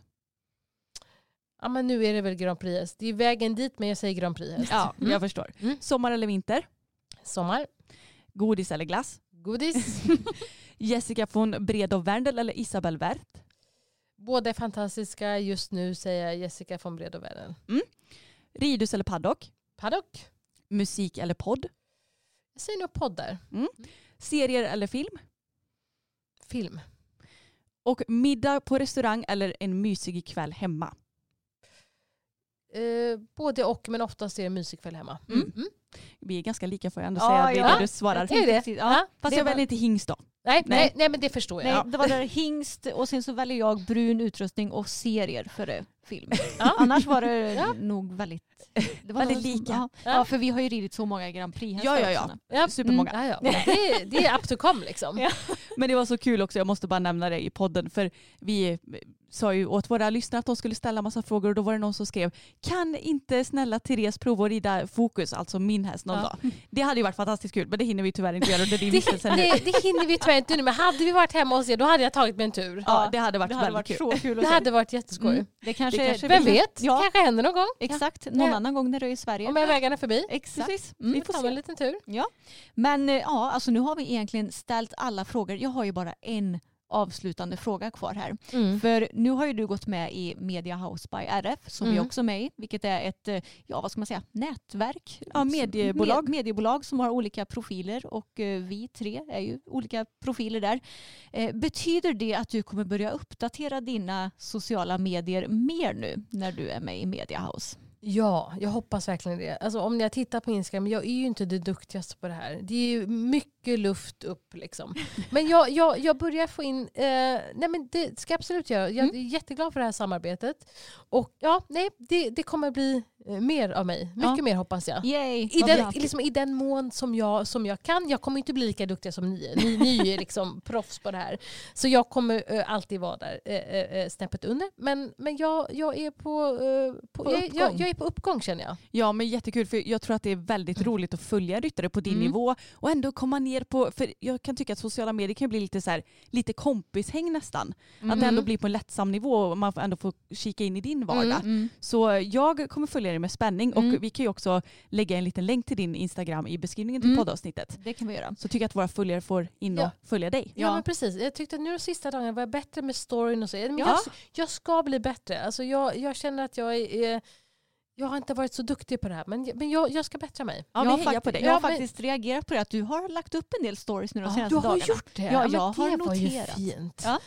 Det var, var trevligt att någon märkte det. Ja. Men det var roligt. Ja, vad kul. Nej, men det ska bli kul att fortsätta följa dig och jag måste säga att du är en så himla ödmjuk och härlig person, lätt att prata med och har väldigt sunda åsikter. Alltså känns lite som oss fast betydligt duktigare och sådär. Så jag tycker det har varit askul att snacka med dig Ja idag. verkligen. Och vi, vi älskar ju Dante så du får ge honom en puss åt oss. Ja. Ja men det ska jag verkligen göra. Tack snälla för att jag fick vara här. Det var jätte, jätteskoj att lära känna er och eh, hoppas att eh, lyssnarna ska uppskatta avsnittet. Så Ja. får, kanske vi ses någon gång i framtiden. Det, får vi verkligen på. hoppas. Tusen tack för idag. Tack tack. Tack tack. Så roligt att ha fått prata med Therese alltså. Ja, vilket avsnitt det här blev.